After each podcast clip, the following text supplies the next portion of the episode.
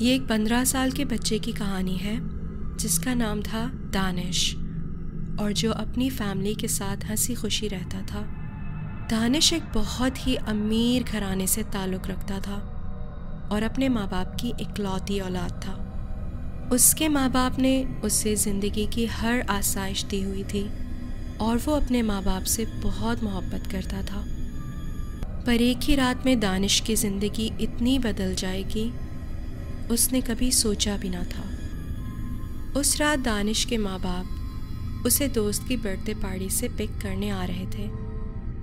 उनकी गाड़ी दरख्तों के बीच सुनसान रास्ते से गुजर रही थी कि अचानक उनकी गाड़ी के सामने एक पुरस्कार औरत आ गई।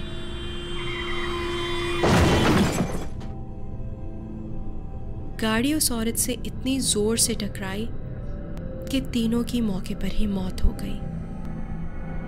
दानिश ये खबर सुन के बेहाल हो गया। माँ बाप की मौत के बाद अब दानिश इस दुनिया में बिल्कुल तनहा और बेआसरा रह गया था। सिवाय उसके एक दूर के चचा और चची के, उसका इस दुनिया में और कोई ना था। उसके चचा और चची बहुत नरम दिल और अच्छे मिजाज के थे। उनकी अपनी कोई औलाद नहीं थी तो वो दानिश को अपना बेटा बना के पालने की ज़िम्मेदारी लेना चाहते थे। दानिश उन दिनों बहुत अफसरदा और शदीद गर्भ से गुजर रहा था। उसके पास, उनके साथ जाने के अलावा और कोई रास्ता नहीं था। उसके चचा और चची गरीब थे और वो एक दूर सुनसान इलाके में, एक छोटे से कॉटेज में रहते थे। दानिश को वो इलाका देख के काफ़ी घबराहट सी महसूस हो रही थी। कहा वो एक अमीर कबीर माँ बाप का बेटा। और अब उसकी ज़िंदगी ने एक और ही रुख ले लिया था। वो अपने चचा और चची के साथ होते हुए भी और अकेला महसूस कर रहा था और अपने मरे हुए माँ बाप को पल पल याद कर रहा था। पर उसके अंकल और आंटी ने अपनी बेपना मोहब्बत से दानिश को ज़िंदगी की तरफ़ लाने का फ़ैसला कर लिया था। वो हर तरह से उसका दिल बहलाने की कोशिश कर रहे थे, ताकि वो इस सदमे से बाहर आ सके। ये उनके प्यार और मोहब्बत का असर ही था कि दानिश ज़िंदगी की तरफ़ वापस आने लगा। वो फिर से मुस्कुराने लगा और अपने चचा और चची की शफकत से मानूस होके उनके बहुत करीब आ गया। पर ज़ाहिर है कि अपने माँ बाप को याद तो वो अभी भी करता था। फिर एक रात दानिश के साथ ऐसा वाक़ हुआ जिसने उसकी रूह को हिला के रख दिया।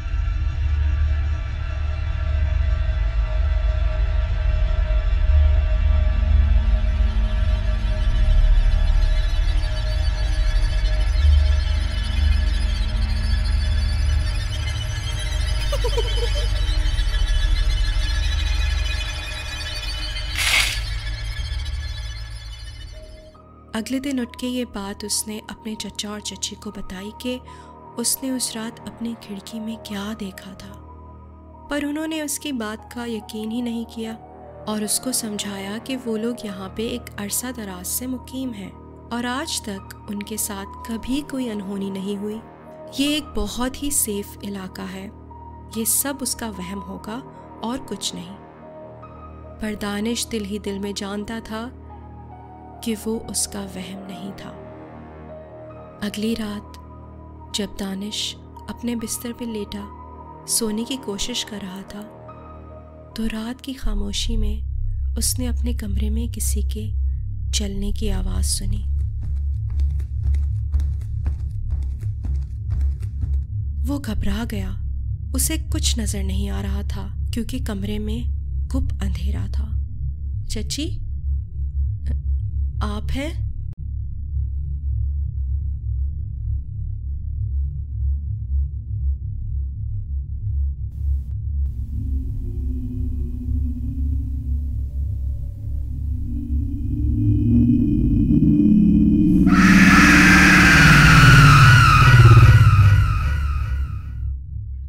दानिश? दानिश? उठो बेटा। अगली सुबह दानिश ने सारी बात अपने चचा और चची को बताई। वो खौफ में मुबतला था और उसकी हालत बहुत ख़राब लग रही थी। उसके चचा और चची उसकी ये हालत देख के बहुत परेशान हुए। वो तो पिछले दिनों इतना खुश थे कि दानिश ज़िंदगी की तरफ़ वापस आ रहा है, मगर अब तो ऐसा लग रहा था कि जैसे उसकी हालत पहले से भी ज़्यादा ख़राब हो गई है। अगले कुछ रातें दानिश ठीक से सो भी नहीं पाया। वो अपनी आँखें बंद करने से डरने लगा कि कहीं वो औरत दोबारा उसके सामने ना आ जाए। उसकी सेहत दिन ब दिन बिगड़ती जा रही थी। उसने पहले की तरह हंसना और बात करना बिल्कुल छोड़ दिया था। उसने अपने चचा और चची को बताया कि जैसे ही उसकी आँख लगती है, उस औरत की भयानक आवाज़ उसे नींद से बेदार कर देती है। और जब वो अपनी आँखें खोलता है तो उसका खौफनाक चेहरा उसका खून खुश्क कर देता है कि वो एक आवाज़ भी अपने मुँह से नहीं निकाल पाता। उसके चचा और चची दानिश की तबीयत को मज़ीद बिगड़ता हुआ नहीं देख सकते थे, इसीलिए उन्होंने इरादा किया कि वो उसे एक अच्छे से साइकाइट्रिस्ट के पास लेकर जाएँगे। दानिश का मुआयना करने के बाद साइकाइट्रिस्ट ने उन्हें बताया कि माँ बाप की अचानक मौत का दानिश के दिल और दिमाग पे बहुत ही गहरा असर हुआ है। इतना कि वो एक जहनी बीमारी में मुब्तला हो चुका है, जिसे स्किट्सोफ्रेनिया कहते हैं। ऐसी बीमारी में इंसान अपने इर्द गिर्द ऐसी खौफनाक चीज़ें देखने लगता है जिसका हकीकत से कोई वास्ता नहीं होता। इसको बाकायदा से इस बीमारी की दवा लेनी होगी, वरना दानिश की कंडीशन मज़ीद बिगड़ सकती है। इस खबर के बाद उसके चचा और चची उसका और भी ज़्यादा ख्याल रखने लगे। उसकी चची वक्त पे उसको दवा दे रही थी, पर दानिश की हालत संभलने का नाम ही नहीं ले रही थी।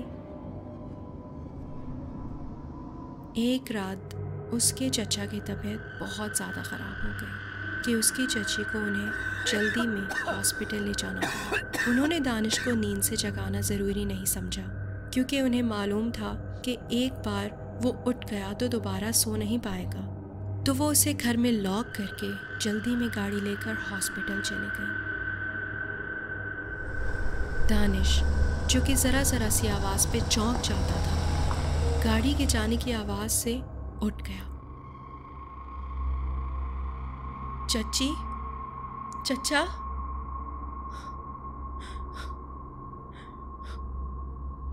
दानिश को अच्छी तरह अंदाज़ा हो गया था कि वो घर में बिल्कुल अकेला है और ये उसकी घबराहट में शदीद इजाफा करने के लिए काफ़ी था।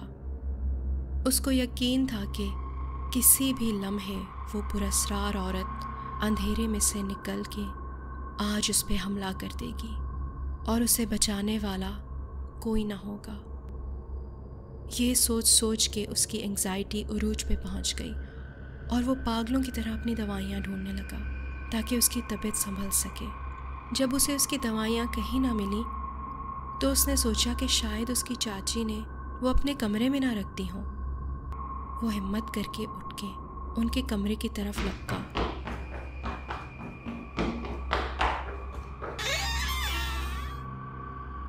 और अपनी दवाइयाँ उनके कमरे में तलाश करने लगा। कहाँ रखी होंगी चाची ने?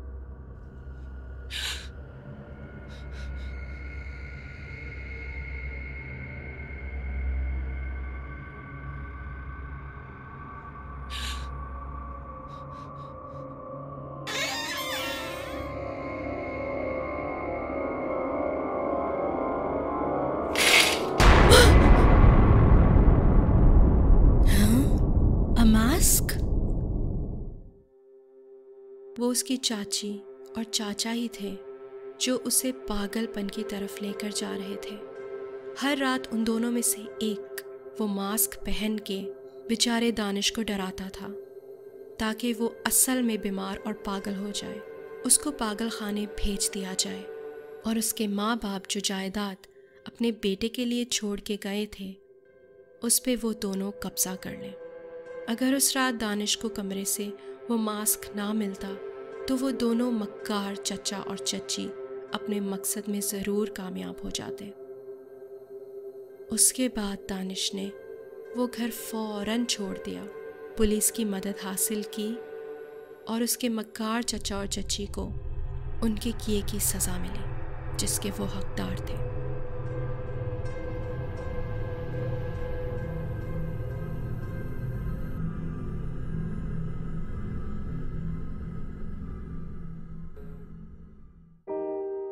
हाय एवरीवन आई होप आपको ये कहानी पसंद आई होगी। प्लीज़ मेरे चैनल को सब्सक्राइब करना मत भूलें और मैं आपके कमेंट्स का बहुत बेचैनी से इंतज़ार करूँगी। Thank you so much for all my patrons for supporting me outside YouTube तो मैं आपसे मिलती हूँ एक और हॉरर स्टोरी के साथ। Until then bye